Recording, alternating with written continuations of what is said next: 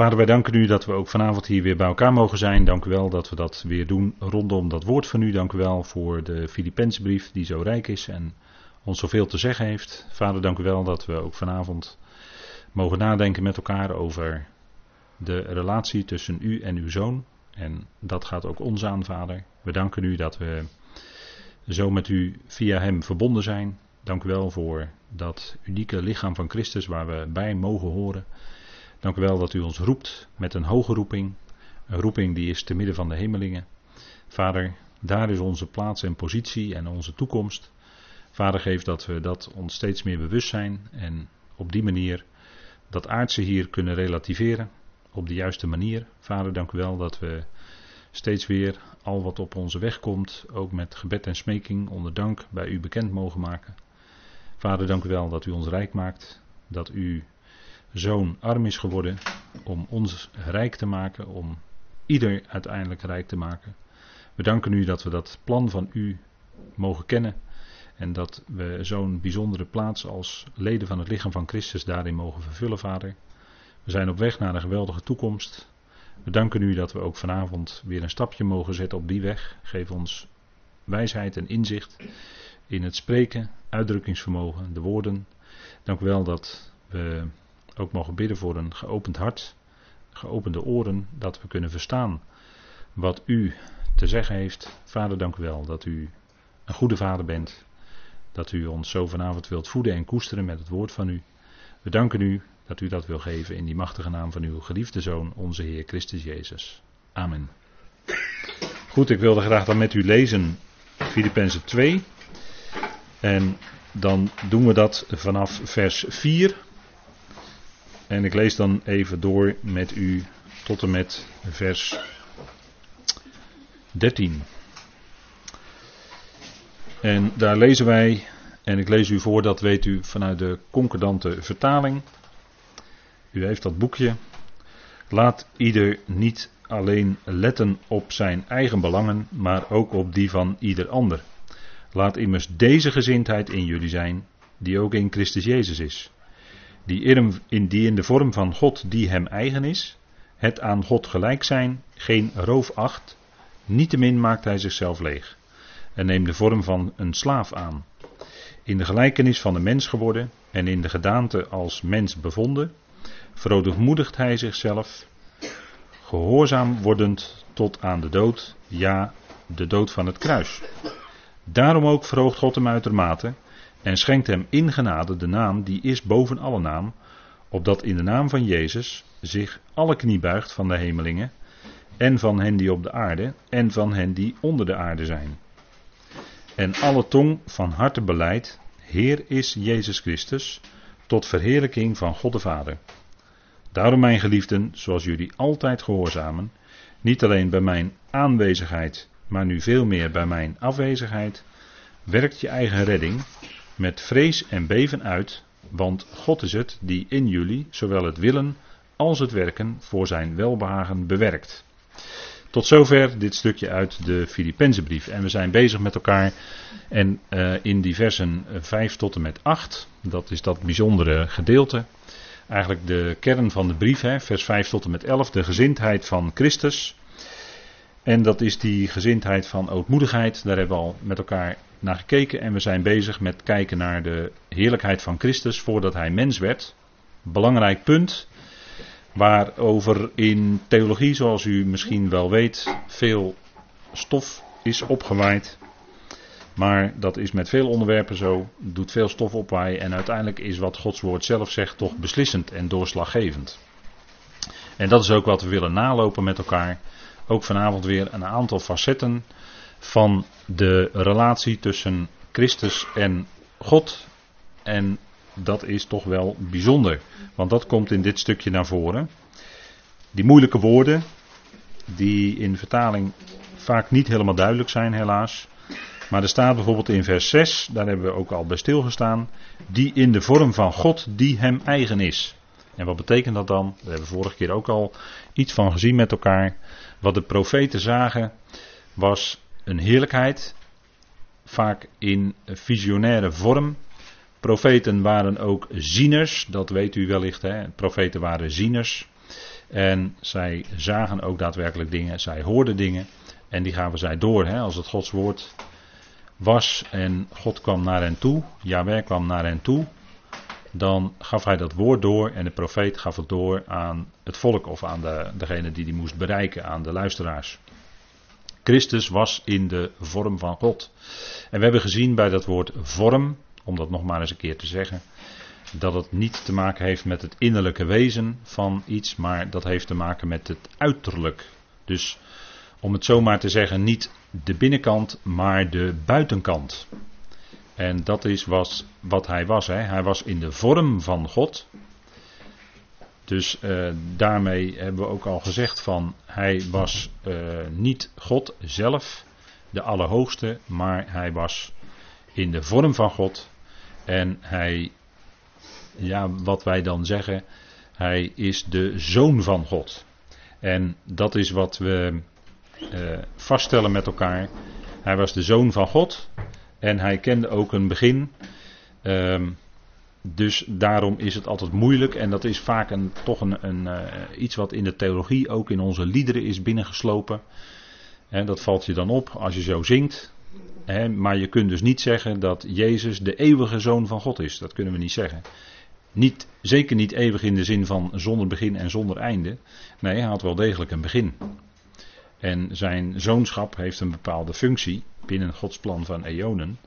En als die functie voorbij is, als dat plan voorbij is, is die functie van zoon zijn veranderd ook. dus hij is niet de eeuwige zoon van God, maar daar zit wel degelijk in de tijd een beperking aan. Gods plan van eonen, dat is beperkend. Dat zijn allemaal tijdperken. Het woord aion, olam in de Bijbel is nooit eindeloze eeuwigheid. Echt helemaal nooit. Het is altijd een tijdperk. En daarom kun je ook nooit stellen. En ook voor mij persoonlijk, wat u doet moet u weten. Maar voor mij persoonlijk kan ik ook niet zingen dat hij de eeuwige zoon is. Omdat het gewoon niet waar is. Christus was in de vorm van God. Dus aan de, naar de buitenkant. Dus hij liet naar de buitenkant zien wie God is aan de schepping, aan de schepselen. Want God wilde wel degelijk communiceren, om maar een modern woord te gebruiken, met de schepselen. Interactie zeggen we dan tegenwoordig. Hè. Alles moet tegenwoordig interactief zijn. Ook Bijbelstudie. Ik ben daar niet helemaal mee eens, zoals u weet. Hè. Maar um, er is altijd de mogelijkheid om later een vraag te stellen. Maar we kunnen niet discussiëren over het woord. Daar ben ik nu eenmaal op tegen. We kunnen wel met elkaar luisteren naar het woord. En dan misschien achteraf met elkaar erover praten wat het dan voor ons te betekenen heeft. Maar er valt niet te discussiëren over het woord. Dat gaat niet. Christus was in de vorm van God. Dat is de buitenkant. Hij representeert God naar de schepping. Daarmee is hij niet zelf de allerhoogste God. Nee, als er van hem gezegd wordt dat hij God is, en dat gebeurt wel in de Bijbel, dan is dat niet zo dat hij dan ook de Allerhoogste is. Nee, dat is altijd relatief. Als het gaat om de Vader, dan is het de absolute God. Absoluut de Allerhoogste God. Maar als het over de Zoon gaat, is het God, maar dan relatief. En van Israël wordt bijvoorbeeld, dat heb ik u laten zien, dat hebben we met elkaar gelezen, in Psalm 82 bijvoorbeeld gezegd, Jullie zijn goden. Dat weten wij omdat de Heer Jezus in Johannes 10 dat zelf tegen de Joden zegt over Israël. Dat het in Psalm 82 over Israël gaat als er gezegd wordt: Jullie zijn goden. Dus dan moet je over nadenken wat dat goden dan daar betekent.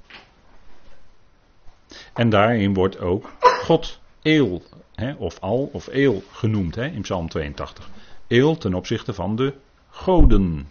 En dan moet je gaan nadenken, wat betekent nou God? Nou, vanuit het Hebreeuwse woord heeft het ook te maken met onderschikker. He? Uh, onder, ja, onderschikken, dat is eigenlijk het Griekse woord, he? hypotasso.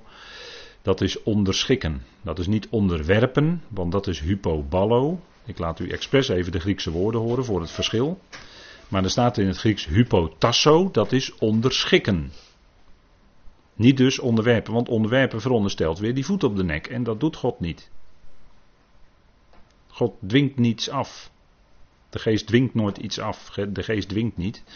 Daar waar de geest van de Heer is, daar is vrijheid en geen dwang. Maar de geest van de Heer kan in ons wel een werk doen. Dat hebben we ook gelezen met elkaar vanavond aan het begin. God is het die zowel het willen als het werken in jullie werkt. Dat is het werk van de geest. Want God is geest. En dat werkt Hij in ons uit. Ja, wel degelijk. Maar Hij dwingt niets af. Door zijn woord dringt Hij wel aan in ons. Om die weg te gaan die Hij bedoelt. Zeker. Maar Hij dwingt niets af. En aan het eind kan er ook niet zeggen, als alle tong beleidt en als alle knie zich buigt, hè, waar dit stukje dan op uitloopt, kun je ook niet zeggen dat is met de voet op de nek, voor degenen die niet willen. Nee hoor, aan het eind, aan, uiteindelijk wil iedereen, van binnenuit.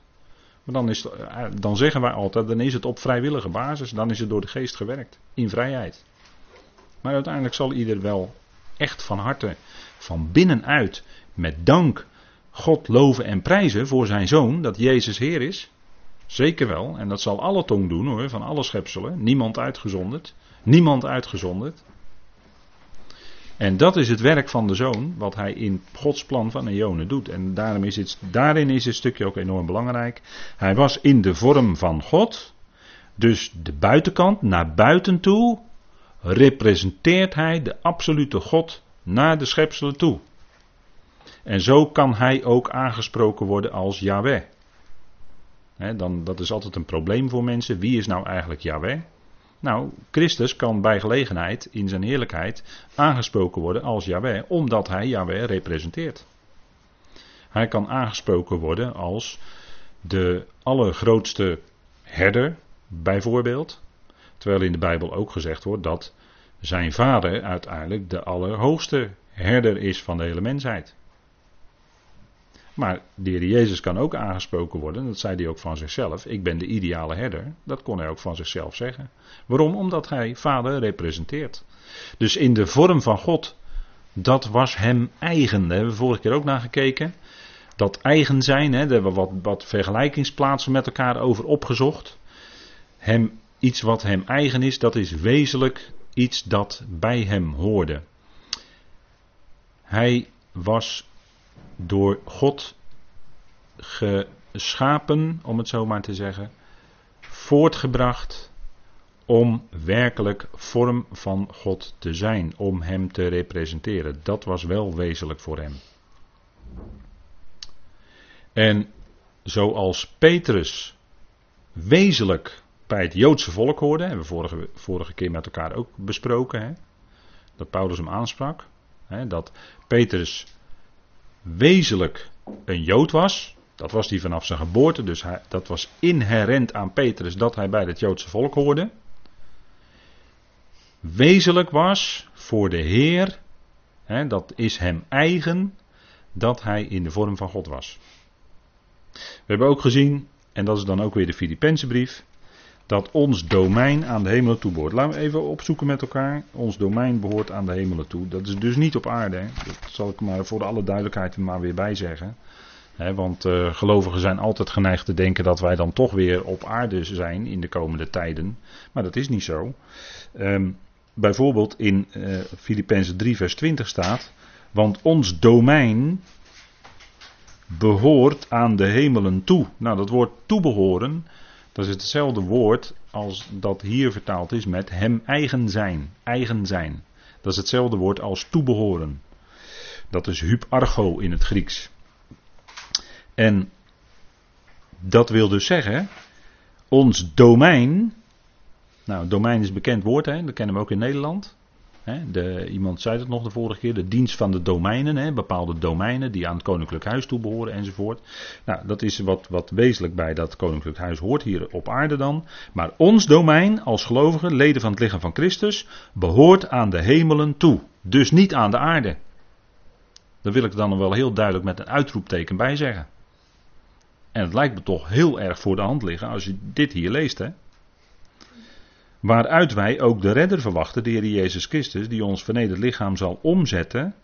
Waartoe is dat omzetten nodig? Nou, opdat wij dan geschikt zijn om in die hemelen te kunnen zijn. Daarom moet ons lichaam omgezet worden. gelijkvormig aan zijn heerlijkheidslichaam zelfs. En als je daarover gaat nadenken, ja, dan, uh, dan gaat het wel ineens uh, voor je misschien iets meer duidelijk worden. Hè? In overeenstemming met de werkzaamheid die zelfs hem in staat stelt het al aan zichzelf te onderschikken. Het al wilde zeggen niet alleen de aarde, maar ook de hemelen. En dat is het geheimenis van de Efezebrief. we schakelen nu even wat, misschien even snel heen en weer, maar het hoort bij elkaar. Efeze zegt dat hij, Christus, het hoofd is uiteindelijk, Efeziërs 1 vers 10, van hemelen en aarde. Aarde was al lang bekendgemaakt in Tenach. Dat hij, uh, Messias, de koning zou zijn over de aarde. Was al lang bekendgemaakt. Was geen geheimenis. Maar het Efeze geheimenis is juist dat hij ook de hoofd is van het al. Dat hij ook de hemelen beheerst. Dat hij het hoofd is van alle hemelse machten en krachten. En daar heeft de gemeente een taak in. Daar heeft de gemeente zijn bediening. Niet op aarde dus, want dat is voor Israël bestemd. Anders kom je in de verwarring en dan kom je weer in een stukje vervangingstheologie. Die verderfelijk is, de vervangingstheologie. Dat is een verderfelijke leer. Dat de gemeente meende, dat de kerk meende in de plaats van Israël te moeten gaan staan. Dat is de vervangingstheologie. Dat is uiterst verderfelijk. En dus ook onschriftuurlijk dus. Want de gemeente had een bediening te midden van de hemelingen. Maar dat is al heel snel in de kerkgeschiedenis weggepoetst. En toen ging de kerk op aarde, wilde heerser zijn, de paus enzovoort. Hè. Kruistochten was alleen maar uh, geopolitiek van de paus hoor. Kruistochten. Zwarte bladzijden in de kerkgeschiedenis. Inktzwarte bladzijden. Wat denkt u ervan? Kinderkruistocht, wat denkt u ervan? Dat is wat hoor, dat is wat geweest. En dat is een, dat is een, een, een, een ja, een gevolg van die schadelijke gedachte dat de kerk meende geestelijk Israël te zijn. En dus zich in plaats van Israël stelde. Er waren de zegeningen voor de kerk en de vervloekingen waren voor Israël. Zo is het gegaan, hè? zo is het gepredikt in de kerken. Onschriftuurlijk hoor, tot en met. Maar dat kwam omdat men Paulus al heel snel had verlaten. En daarom verliet men ook die hemelse roeping van de gemeente. De gemeente heeft een roeping te midden van de hemelingen. Daar heeft Filippenzen alles mee te maken. Ons domein behoort aan de hemelen toe. Duidelijker kun je toch niet zeggen, lijkt mij. En daar is onze toekomst. Daar is onze plaats. Wees daar nou gewoon blij mee. En blijf niet hangen in hier en nu op aarde. Maar wees je bewust van je geweldige toekomst en je positie die je nu al hebt. Efeze 2 zegt dat ook, dat wij niet alleen met hem zijn opgewekt en levend gemaakt, maar we zijn ook met hem gezet. Dat staat er, hè? gezet. Gezet. Te midden van de hemelingen.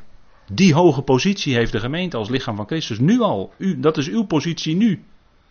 Dat is niet op aarde, dat is eigenlijk boven. Bedenk de dingen die boven zijn. Zegt Paulus toch in Colossense 3, dat zijn geen loze woorden hoor. En dan zegt hij er nog bij, niet die op de aarde zijn. Voor alle duidelijkheid. Hè? Staat allemaal in Colossense. En Daarom zouden we ons steeds weer bewust zijn, en daarvoor is Bijbelstudie ook noodzakelijk, dat we ons steeds weer bewust zijn wat onze hoge roeping is. En dat heeft wel degelijk invloed op onze wandel hier op aarde. Want dan kun je de dingen die hier op aarde zijn relativeren. Dan is dat aardse allemaal niet meer zo geweldig belangrijk. En ga je ook niet ingraven in deze aarde. Ik weet dat het gevaarlijk is als ik dit zo zeg. Maar het is wel de consequentie van, van wat wij geloven, wat wij beleiden met elkaar. Zet je, al je, zet je al je inspanningen op de dingen hier op aarde? Dat is een teken dat je vergeten bent wat je hemelse roeping is. maar we zouden ons bewust zijn van onze roeping. En dat is nou eenmaal voor ons mensen zo moeilijk. Wij willen het tastbaar hebben. Wij willen het grijpbaar hebben. Wij willen een plekje waar we kunnen voelen, waar we kunnen tasten, waar we, dat we kunnen zien, wat, waar we de grond kunnen bewerken enzovoort. Dat willen wij als mensen. Dat is heel logisch, heel menselijk. Alleen het probleem is dat in deze tijd van genade het een geestelijke bediening is die we hebben en een hoge roeping, ja, te midden van de hemelingen. Dat is ongrijpbaar, dat is onzichtbaar nu eenmaal. Dat is moeilijk voor ons mensen. maar daarom zouden we ook groeien als gelovigen naar geestelijke gelovigen zodat we ons, onze blik ook kunnen richten op dat wat geestelijk is, wat wezenlijk is voor ons. Anders verlies je stapje voor stapje je bewustzijn van je roeping. En daarmee verspel je niks, geen bazuin of zo. Dat, gaat, dat blijft allemaal gewoon in, in, in werking hoor. Dat, dat verandert niet, want dat is een genademoment. Maar het is wel je, beïnvloedt je wandel hier op aarde. Het leidt af. laat je niet afleiden naar links of rechts. Daar zijn juist die geestelijke machten op uit om je van het bewustzijn van die hemelse roeping af te dringen en je te richten hier op de aardse dingen. Dat is het werk van de geestelijke macht, van de boosheden in de lucht waar Paulus het over heeft. Daarvoor hebben we ook die uh, wapenrusting zo nodig om die aan te trekken, zodat we ons dat bewust blijven. Zodat we die helm van redding om ons hoofd hebben, zodat onze gedachten bewaard worden. En je gedachten worden bewaard in het woord.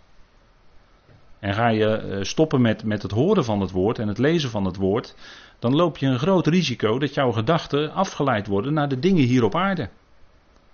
Dat je naar beneden getrokken wordt. Dat is automatisch dan de richting. Maar we zouden bedenken de dingen die boven zijn, waar Christus is. Daar is Hij, daar is onze plaats, daar is onze roeping.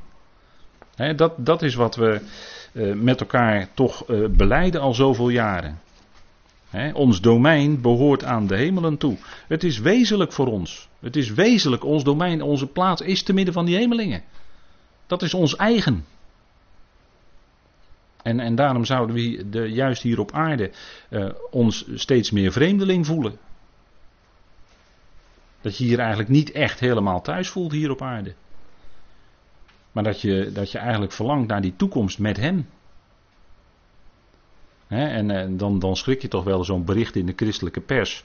Dat er dan uh, iemand roept van een bepaalde beweging die dan uh, tegenwoordig veel succes heeft en volle zalen trekt enzovoort in Nederland.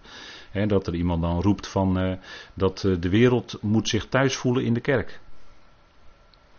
Echt waar hoor, echt een uitspraak. De wereld moet zich thuis voelen in de kerk. Dus we moeten onze kerkdiensten of onze diensten zodanig inrichten dat uh, iemand die uh, volledig in de wereld leeft en staat, dat hij zich daar volledig thuis voelt. Ik denk, dan moet je de Bijbel dichtlaten. Dan moet je niet Gods woord spreken. Want op het moment dat je Gods woord gaat openen, gaat die mens gaat, onrustig worden of gaat, loopt weg. Want dat kan toch niet waar zijn wat daar staat. Hè? Dan moet je, dan moet je inderdaad de diensten, de diensten helemaal gaan aanpassen aan de wereld. Dat heeft Rick Warren in Amerika al lang gedaan en de Willow Creek beweging enzovoort. die gingen de diensten aanpassen. Er moest er een moderne rockband komen en theater en alles behalve het woord, dacht ik dan. en degene die die Willow Creek beweging startte, die heeft het ook toegegeven. Achteraf. Dat ze de fout hadden gemaakt, dat ze het woord eigenlijk, evangelie steeds meer op de achtergrond, steeds minder woord. Dat was de fout. Alles werd heel oppervlakkig en het leverde uiteindelijk niks op. Ja, dat is dan achteraf de schade die je constateert. Maar we zouden onze blikrichting richten niet op de verbetering van deze wereld, want dan loop je echt in het programma van de tegenstander hoor. Verbetering van deze wereld. Nou, denk maar niet dat het beter wordt. Het wordt slechter. Wat je er ook aan doet, hoeveel miljard je er ook in gaat stoppen, het zal niet beter worden, het zal slechter worden. Ja, maar de kerken lopen leeg en de PKN-aantallen, ledenaantallen lopen ook al sterk terug. Ja, dat is wel logisch, ja. Als je eerst in 19, uh, eh, wanneer was het, 1980 het rapport van het schriftgezag hebt gehad, hè, God met ons, dat er geen waarheid meer is, maar dat ieder zijn eigen waarheid heeft. Ja, als je dat in de kerken loslaat, 1980, dan moet je niet gek opkijken dat je ruim 30 jaar later zo klaagt dat iedereen uit de kerk wegloopt. Dat is niet zo gek hoor. Dat is niet zo gek. Iedereen zijn eigen waarheid. Weet u waar ze dat ook leren? In de loges van de vrijmetselaars. Daar heeft ook iedereen zijn eigen waarheid. Alles wordt getolereerd. Maar je moet wel mee in de rituelen. En de rituelen leiden uiteindelijk tot aanbidding van de tegenstander. Maar dat is helemaal de denken van deze tijd. Hè? Ik heb er wel eens vaker gezegd, dat is de dictatuur van de humaniteit. Dat is dat de mens centraal staat. En in die tijd leven gewoon de mens centraal. Alles wordt getolereerd. Behalve Gods woord. En we leven toch in de tijd waarin het kwade goed wordt genoemd en het goede kwaad. Alles staat op zijn kop. Wordt hoog tijd de zaak rechtgezet wordt. In de profetieën als Israël verlost gaat worden, staat ook dat als hij komt, de Messias, dan zal hij rechtmatig richten. Dan zal hij het recht voortbrengen. Dan zal hij dus alles recht gaan zetten in deze wereld. Dan zal de leugen moeten wijken, maar alles is leugen nu. Je kan, niets meer, je kan bijna geen nieuwsbericht meer geloven. Niets is wat het lijkt. De leugen regeert.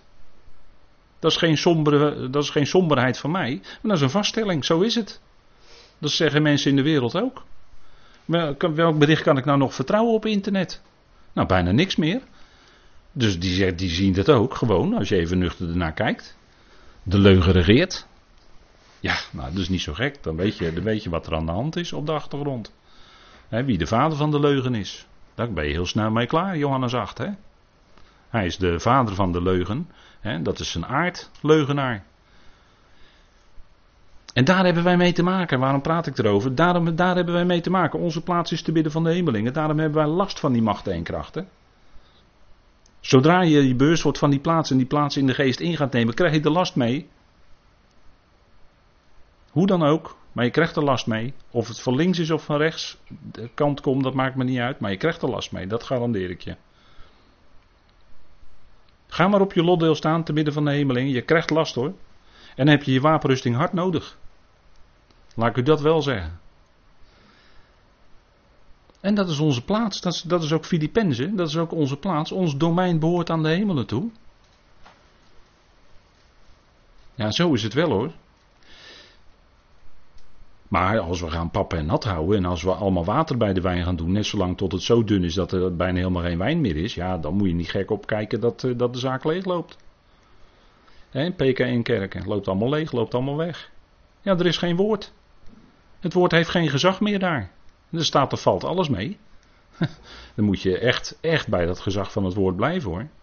En als jij zegt dat het een mensenwoord is over God, Kuitert, hè, die onlangs overleed op 92-jarige leeftijd, die had helemaal niets meer, niets. Het woord, hij accepteert het woord niet. Hij zegt ja, het is een mensenwoord. Mensen hebben ervaringen gehad en het is een mensenwoord over God. Ja, ja, ja, ja. Maar hij, was, hij was alles kwijt hoor aan het eind. Hij had helemaal niets meer, helemaal niets. Geen God ook meer, niks. Nou, dan ben je arm hoor als mens. maar daarom zouden we dicht bij dat gezag van het woord van God blijven. Want die Thessalonicenzen die hadden het woord aanvaard niet als een mensenwoord, zegt Paulus, maar wat het werkelijk is, een woord van God. En dat droeg vrucht onder die Thessalonicenzen. En toen werd het ook zichtbaar eh, naar buiten toe, werd ook uitgedragen. In een groot gebied zelfs. dat woord werkte wel, dat heeft wel werkingskracht en uitwerking in die levens. Brengt vrede in je hart. Echte vrede, diepe vrede in alle omstandigheden. Waar de mens naar snakt in al zijn onrust. Dat brengt het woord in je hoor. Dat is die geweldige vrucht van de geest. Waar we het in Galaten zo uitgebreid over gehad hebben. Maar dat is wat de geest in je werkt. Geweldige vrede en vrucht en uitzicht en, en licht en heerlijkheid en, en vrede ondanks moeilijke omstandigheden. Vrede ondanks dat je lijden meemaakt in je leven of bij degenen die je lief zijn. heb je toch vrede omdat je de weg weet. Je weet alles bij vader te brengen. En dan ten diepste hoef je je geen zorgen te maken. Ten diepste niet. Omdat je weet dat vader zorgt en hij het uitwerkt ten goede. dan, dan kun je je levensweg gaan met hem. Hoe moeilijk het ook is. Maar je kunt hem gaan met hem. En dat geeft vrede. Nou, Filippenzen gaat over Christus. Hè, we keren dan even terug naar Filippenzen 2 de vorm van God die hem eigen is, was wezenlijk voor hem, voordat hij mens werd. Hij had een heerlijkheid voordat hij mens werd. dat noemen ze in de theologie de pre-existentie van Christus, met een hele moeilijke uitdrukking, mag u gelijk weer vergeten. Maar dat is wel zo. Dat is wel zo. Dat hij voordat hij mens werd, wel degelijk een heerlijkheidspositie had. En de profeten zagen hem als, bijvoorbeeld als een man, hier het plaatje van Ezekiel, maar dat had u al gezien. En dan staat er ook bij, en dat is ook een lastige voor ons, het aan God gelijk zijn. Wat betekent dat? Dat hij het aan God gelijk zijn geen roof acht. aan God gelijk zijn. Betekent dat dan dat hij ook de Allerhoogste is? Nee, want er is steeds sprake van de Vader en de Zoon. En daar, is wel degelijk, daar zijn wel degelijk heel veel verschillen tussen. En dat zullen we ook vanavond met elkaar verder wat uitdiepen. maar aan God gelijk zijn wil zeggen, hij was in de vorm van God en hij representeerde Yahweh naar de schepping toe, naar de profeten toe, naar Israël toe. Dus zij konden hem ook aanspreken als Yahweh. Jazaja kon zeggen, ik heb Yahweh gezien. Daarmee had hij gezien Christus in zijn heerlijkheid voordat hij mens werd, want die representeerde Yahweh. En kon ook aangesproken worden als JW. Zo was hij aan God gelijk. Maar gelijk zijn aan wil niet zeggen dat ze identiek zijn. Dat ze dus helemaal in elkaar schuiven en hetzelfde zijn. Dat niet. Nee, er blijft altijd verschil. En dat is die, daarom heb ik hier dit plaatje genomen van een weegschaal. je, moet dat, je moet dat wegen, hoe dat zit. dat aan God gelijk zijn. Israël werd ook goden genoemd. Omdat ze in een bepaald facet, in een bepaald facet, had Israël ook iets in zich dat ze in zekere zin in een bepaald facet aan God gelijk zijn, namelijk het heerschappij mogen uitoefenen over de volkeren. Het regeren over de volkeren. Dat is een bepaald facet wat eigenlijk bij God hoort, maar wat aan Israël mede was toebedeeld. En dat geldt ook voor ons als leden van het lichaam van Christus. Ook wij zijn bedoeld om te midden van de hemelingen, die hemelingen te brengen onder de voeten van Christus. En ook met hem te regeren daar. Dus dat is ook een stukje eigenlijk eh, bezig zijn in dat onderschikkende werk. Dat is een stukje bezig zijn als goden zou je kunnen zeggen. Dat is een gevaarlijke uitspraak als ik het zo zeg natuurlijk. Maar dat is iets wat eigenlijk alleen aan God zelf is toebehoord. Hè, wat aan God zelf toebehoort om alles te onderschikken. Maar God heeft dat gedelegeerd aan zijn zoon. En ook gedelegeerd aan zonen. En die heb je ook te midden van de hemelingen, zonen gods. Maar Israël wordt zonen genoemd. En ook wij worden zonen genoemd zelfs. Het zoonschap, hè? de geest van het zoonschap. Nou, dat, heeft daar allemaal, dat grijpt allemaal in elkaar. Hè? Nou, dus het aan God gelijk zijn wil dus niet zeggen dat hij, Christus, identiek was aan zijn vader. Dat kon helemaal niet.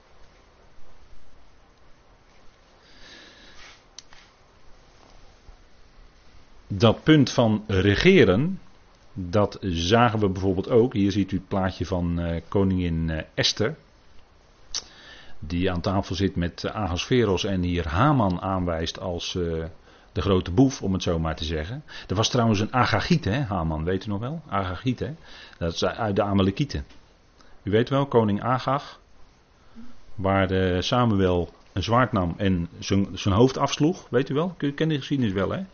Dus een profeet, dat was uh, niet iemand die ook alleen maar dat woord sprak, maar bij gelegenheid, als het moest, hield hij wel dus de, het kop, de kop van Agag eraf, hè, Amalekiet. Samuel hè, deed dat. En Agag was dus en, eh, was een Amalekiet en van Haman wordt ook gezegd dat hij een Agagiet was. Dus Haman was ook uit Amalek. Want God heeft een strijd van geslacht tot geslacht met Amalek. Hè? Staat al in Exodus. En die strijd is er nog steeds hoor met Amalek. Maar die zal uiteindelijk natuurlijk uh, definitief beslist worden in het voordeel van Israël. Net zoals de strijd met Haman ook in het voordeel van uh, Israël werd beslecht door Mordechai. Weet je wel, Mordechai. En Mordechai, dat was degene die mocht Ahasveros representeren naar de anderen van dat koninkrijk. En de paal die Haman voor Mordechai had opgericht, daar werd hij zelf aangespietst. Dat weet u wel, hè? Dus, en prachtige geschiedenis trouwens, hè, het boek Esther. Prachtig. Er zit heel veel typologie in en heel veel symboliek en zelfs ook voor deze tijd.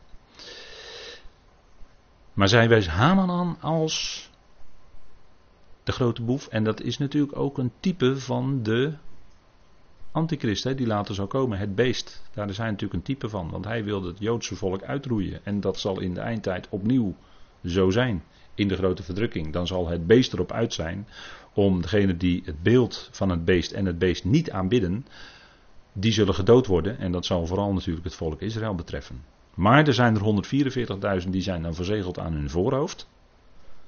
Net in tegenstelling tot degene die het beest aanbidden, die hebben een embleem op hun voorhoofd van het beest. Maar de 144.000 zijn verzegeld aan hun voorhoofd en zij kunnen dan dus ook niet beschadigd worden. En zo zal God zijn volk bewaren, want er komt ook niet alleen de 144.000, maar in Openbaring 7 wordt ook gesproken over een menigte die niemand tellen kan. Die komen ook uit de grote verdrukking, dus die, dat zijn ook Israëlieten die ook bewaard zijn geworden in de grote verdrukking. Dus God zal zijn volk echt wel bewaren hoor. Maar Haman is daarmee wel een type van de antichrist of van het beest of misschien de wetteloze, wie het ook is. Maar daar was hij een type van.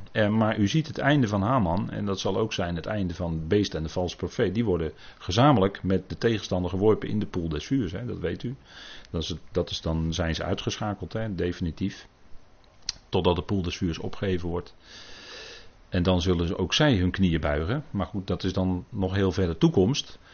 Mordechai, die mocht handelen namens Ahasveros als regent in dat koninkrijk. Hij representeerde daarmee Ahasveros. En daarin zien we eigenlijk een plaatje van hoe Christus, de Allerhoogste God, representeert naar de schepping toe. Ik denk misschien toch een mooi voorbeeld, een wat, misschien tas, wat tastbaarder voorbeeld uit de prachtige geschiedenis van Esther, om het voor u duidelijk te maken. Christus handelde en handelt als God. En dat was in het verleden zo. En het zal ook in de toekomst zo zijn. Hè? In de laatste eon. En dat kunnen we even met elkaar lezen in Hebreeën 1, vers 8. Dat is een machtig hoofdstuk, Hebreeën 1. Daar wordt heel veel gezegd over de zoon. Hè? De zoon die uh, een hoge positie heeft, hoger dan de boodschappers zelfs. Hebreeën 1. En we lezen even een paar versen eromheen voor het verband.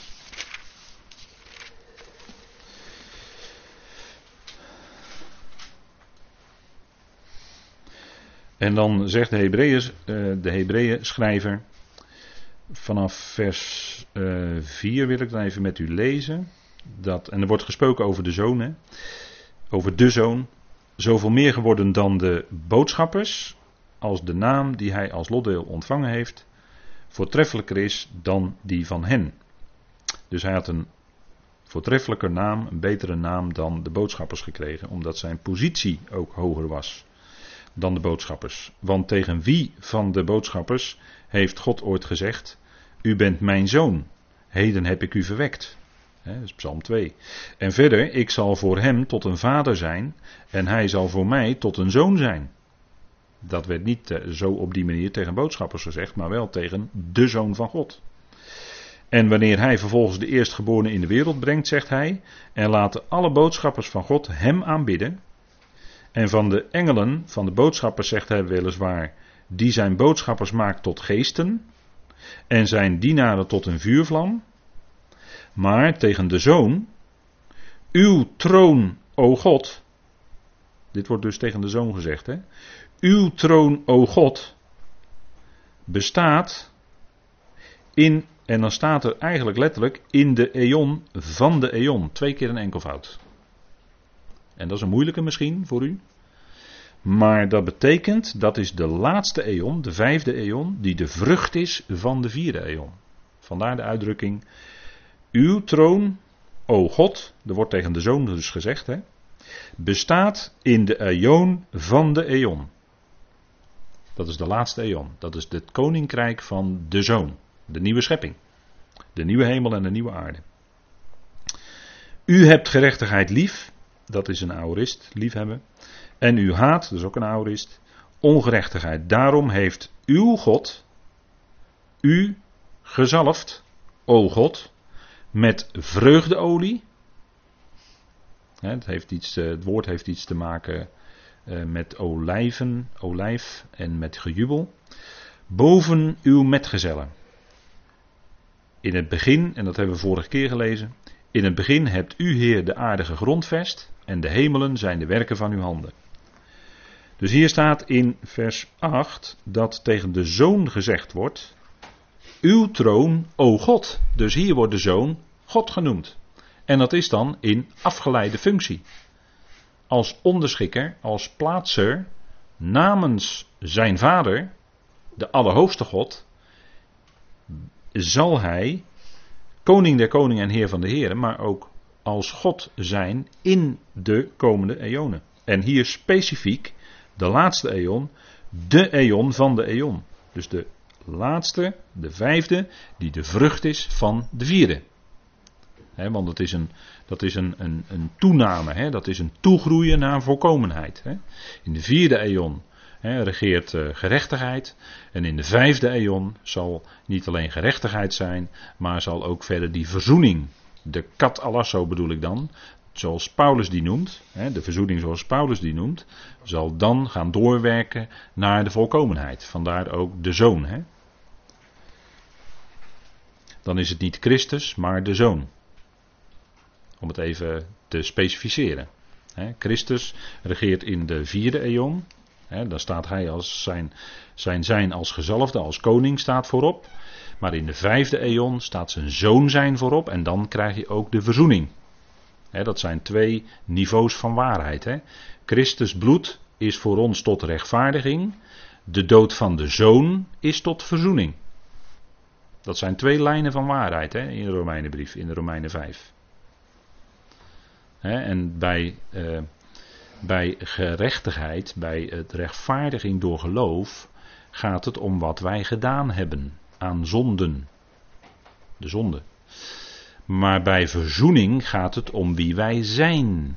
In onszelf, vijanden waren wij. Dat, is ook, dat zijn ook twee lijnen van waarheid. Hè? Eh, niet alleen de zondige daden die we deden, de rechtvaardiging door zijn bloed.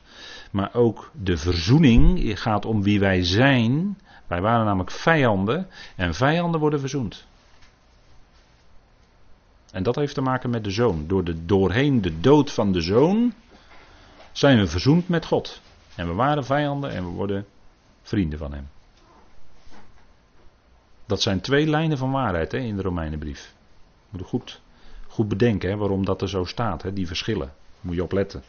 En dat heeft ook te maken met de vierde en de vijfde eon. In de vierde eon is het Christus die regeert. En in de vijfde eon is het de Zoon. Dat zijn ook belangrijke verschillen. Hè. Dus die titels moet u ook in de gaten houden. Maar goed, we gaan. Uh, uh, weer terug, anders voeren we, voert dat weer te ver. En dan gaan we kijken naar Christus als het woord.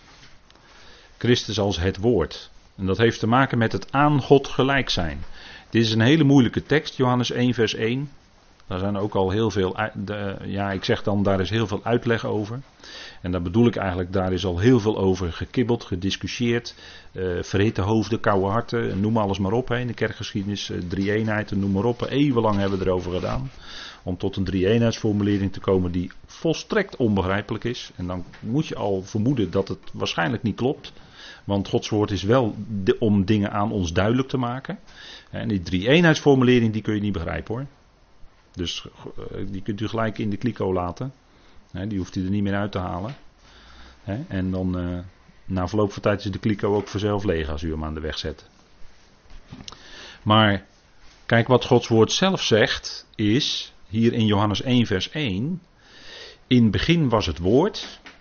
En hier hebben de vertalers toch weer een beetje die lering van de kerken doorheen laten sijpelen. Helaas, helaas. En het woord was bij God en het woord was God. En ik heb eronder gezet een vraagteken. Waarom? Waarom, waarom nou dat vraagteken? Als we er even over nadenken. Dat komt, inderdaad, dat komt. En het woord was bij God. En het woord was God. Hoe kan iets dat bij God is, tegelijkertijd ook God zijn? Dat kan helemaal niet. Dat is ook niet zo. Maar zo is het wel hier vertaald. Even heel snel gelezen. Hè? Het woord was bij God en het woord was God. Dan zegt u ja, dat kan helemaal niet. Nee, dat, dat klopt omdat die vertaling ook incorrect is. Het kan niet omdat de vertaling niet klopt. Dus ja, dat, vandaar dat vraagteken. Johannes 1, vers 1. Moeilijke tekst waar Johannes mee begint.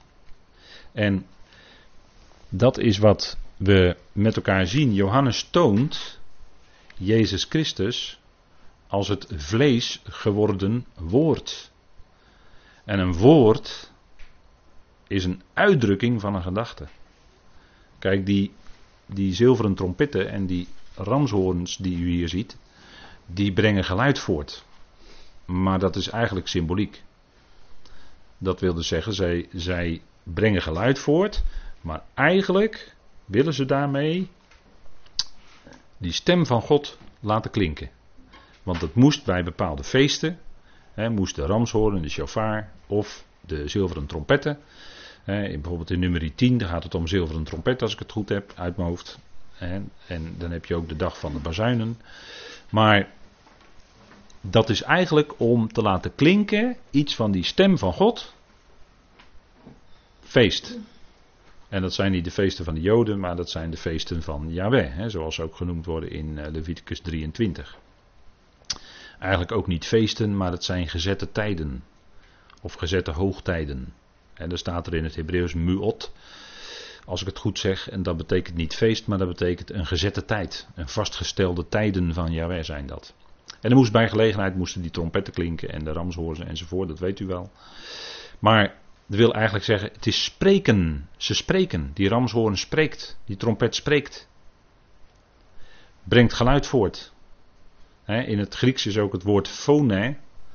Geluid is hetzelfde woord wat ook met stem wordt vertaald. Ja, want de stem brengt ook geluid voort. Dat, dat is, wij kennen dat wel in, in, eh, in microfoon fonetisch, telefoon. Nou, dat klinkt allemaal dat woord phone, dat Griekse woord phone klinkt erin door, hè? geluid. Dus we kennen dat wel in onze taal. Maar God onthult zich onder andere door geluid, door zijn woord. En het woord is voor onze oren bestemd. En dat is een hogere, hè, iets overbrengen door middel van woord, is een hogere methode, om het zo maar te zeggen, dan kracht. Hè. Als iemand jou een klap geeft, dan voel je wel iets van de spierballen van iemand. Maar dat ben je na verloop van tijd uh, toch wel weer vergeten. Maar woorden die iemand spreekt, en die voor jou niet fijn zijn, die blijven veel en veel langer hangen dan de pijn die je voelde van die klap die iemand gaf. Dus een woord, en dat is dan negatief gesteld, maar positief gesteld, een woord is een veel hogere methode dan bijvoorbeeld het het graag tekenen en wonderen willen zien. Hè? Tekenen en wonderen van God. En, en daardoor geloven. Meestal brengt dat niet veel geloof hoor. Of heel oppervlakkig of het is zo weer weg. Maar een woord, woorden van God, dat is een hogere methode. Waarom een woord is een drager ook van geest. daar, daarom kun je eh, de geest van God, die werkt altijd door het woord. Die kun je niet van elkaar loskoppelen. Dus een woord is ook, of een woord is, een, is natuurlijk een uitdrukking van gedachten. En als het om God gaat, is het een uitdrukking van zijn geest, wat, hij, wat zijn gedachten zijn. En daarom is dat een, een veel hogere methode dan krachten of tekenen en wonderen die, die bij gelegenheid gedaan worden. Die, die begeleiden wel uh, de koninkrijksprediking en dat zal straks ook weer zo zijn. Maar een woord is hogere methode dan kracht of handelingen. Hè. Een woord blijft ook veel, woorden blijven ook veel langer hangen en bewerken ook iets in een mens. Er wordt altijd door, door middel van woorden wordt een boodschap overgebracht. Reclames op televisie is niet alleen wat je ziet, maar is ook wat je hoort. En het liefst dan zoveel mogelijk keer de naam van het product of de merknaam zodat je het later weer zult herinneren. Later komt het weer bovendrijven. Als je een associatie met iets hebt, dan komt ineens weer die merknaam boven. Zo, zo werkt Dat is allemaal heel slim uitgedokterd door uh, reclamemensen. Daar wordt heel veel tijd en geld op ingezet hoor. Om bij u dat te bewerken, dat u steeds die merknaam maar weer uh, herinnert.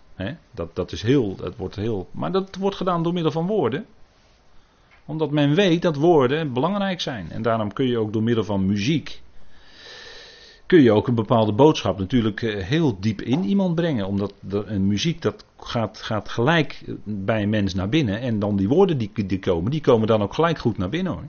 Natuurlijk weet de muziekindustrie dat als geen ander. En dan ook de kracht van de herhaling. en dan hebben we ook nog wat, eh, wat, wat meer sinister is dat, maar dat zijn omkeertechnieken. omkeren, woorden omkeren. Is toegegeven, de popgroepen in rechtszaken. Praat hij wel over wat, wat echt vast, vastgesteld is hoor.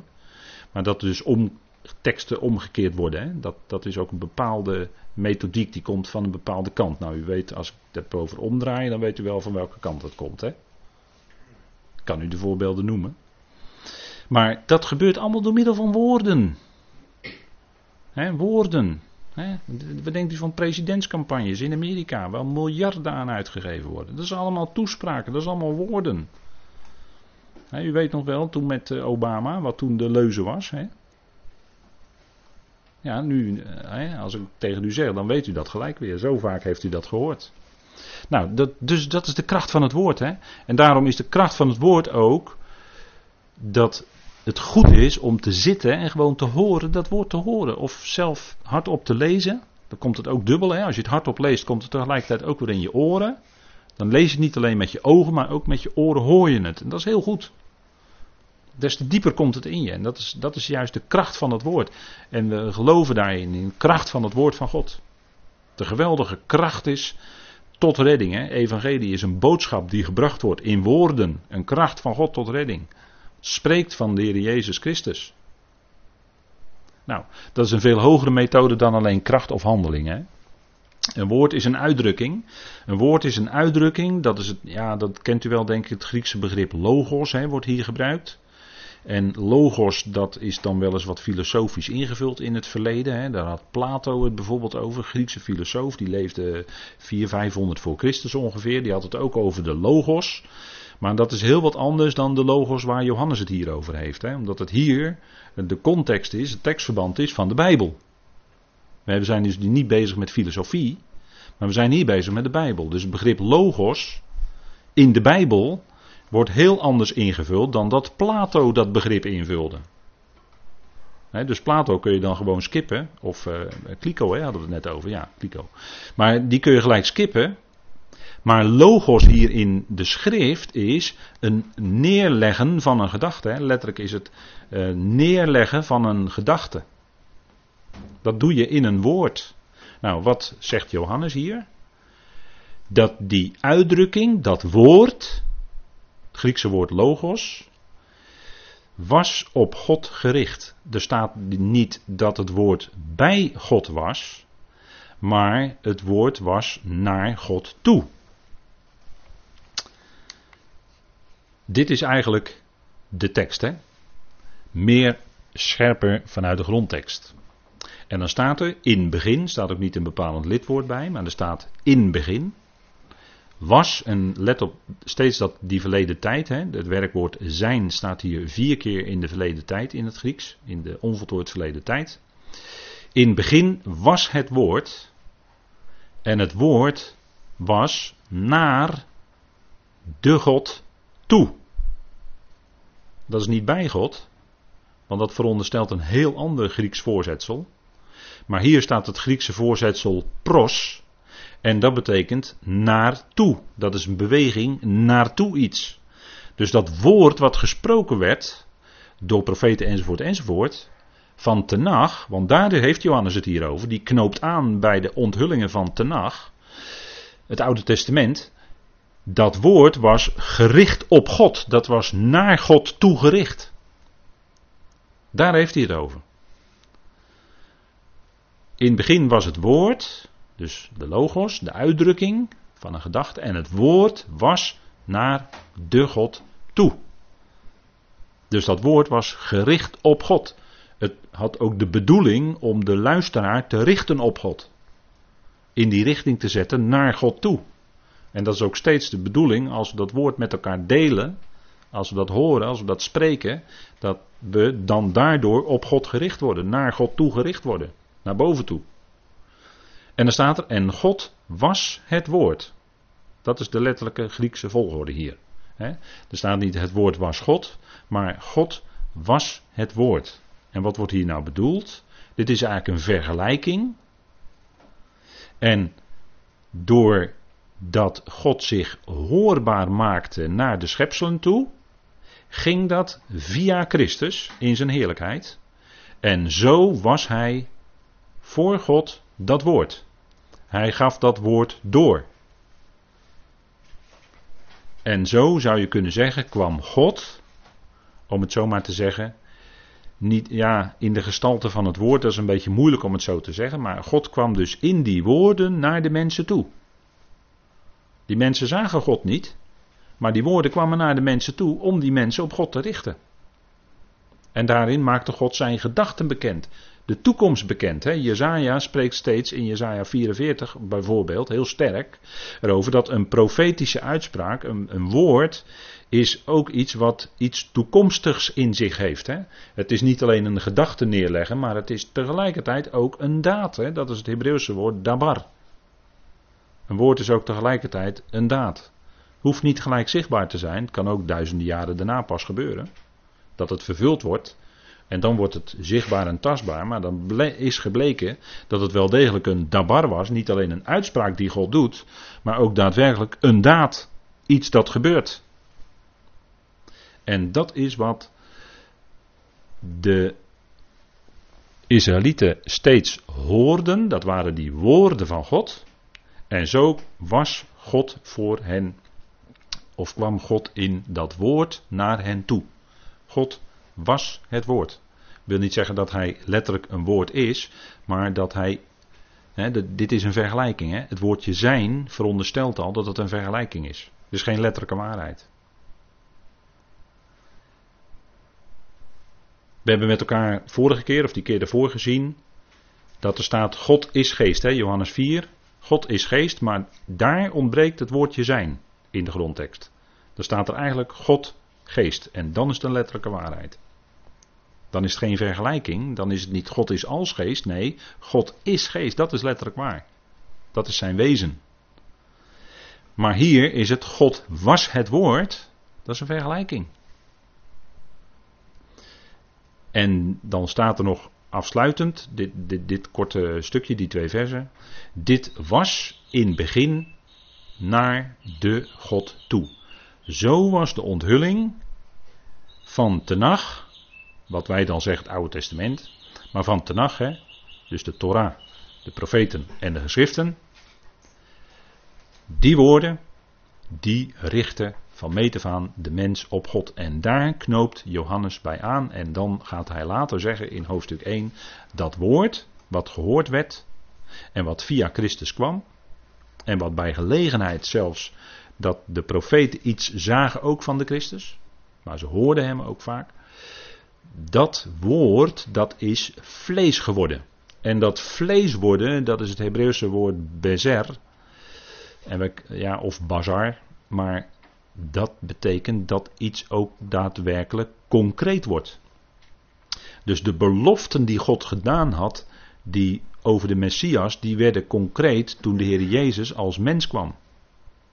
Zo is hij vlees geworden. Hij was de belichaming van die beloften die God gedaan had dat er een Messias zou komen, die het volk zou verlossen. En op die manier ook werd het woord vlees. En dat gebeurt steeds weer als beloften van God daadwerkelijk vervuld worden en zullen worden. Dan elke keer wordt dat woord vlees, dan krijgt het gestalte, wordt het concreet. Want vlees in de Bijbel heeft te maken met dat wat zichtbaar is. Dat wat tastbaar is. Maar het heeft ook te maken met een goede boodschap verkondigen. Dan wordt datzelfde woord in het Hebreeuws gebruikt. Evangeliseren. Dat, dan wordt ook het woord bazar of bezer gebruikt. Hetzelfde woord als vlees worden. Ik, laat het maar even klinken voor u, om u even dat, dat iets van te laten merken van, hé, hey, dat woord kan dus op die manier vertaald worden. Ja, zeker en uh, dat, dat God tevoren aan Abraham evangelie had verkondigd, ja zeker. Dat, maar dat, zou ook dat, dat was een bazaar, dat was een bezer. Want dat zal in de toekomst ook daadwerkelijk zo zijn. Dat Abraham en zijn nakomelingen daadwerkelijk dat hele land vanaf de Uifraat tot aan de Tigre, of uh, vanaf de Nijl tot aan de Uifraat zullen bezitten. Dat zal dan heel concreet zijn hoor in de komende koninkrijk. Zo'n groot gebied zal Israël daar hebben. En dan, wordt, dan is het tastbaar geworden. Dan is het bazaar, dan is het bezer geworden. Vlees geworden. Ook een vorm van. Hè? En dan wordt het tastbaar, zichtbaar, wat God beloofd heeft. En zo brengt Johannes hier een koppeling aan van de geschriften van Tenach, want Johannes was een dienaar van de besnijdenis. Hij brengt een, een koppeling aan vanuit die geschriften die hij zo goed kende, hè, Tenach, naar dat wat gebeurde toen de Heer Jezus kwam als mens op aarde. Want Johannes schrijft natuurlijk achteraf, na de opstanding van Christus. En dan schrijft hij al die geweldige dingen die in dat evangelie naar voren komen. Maar goed, we gaan even pauzeren met elkaar en dan gaan we daarna weer verder.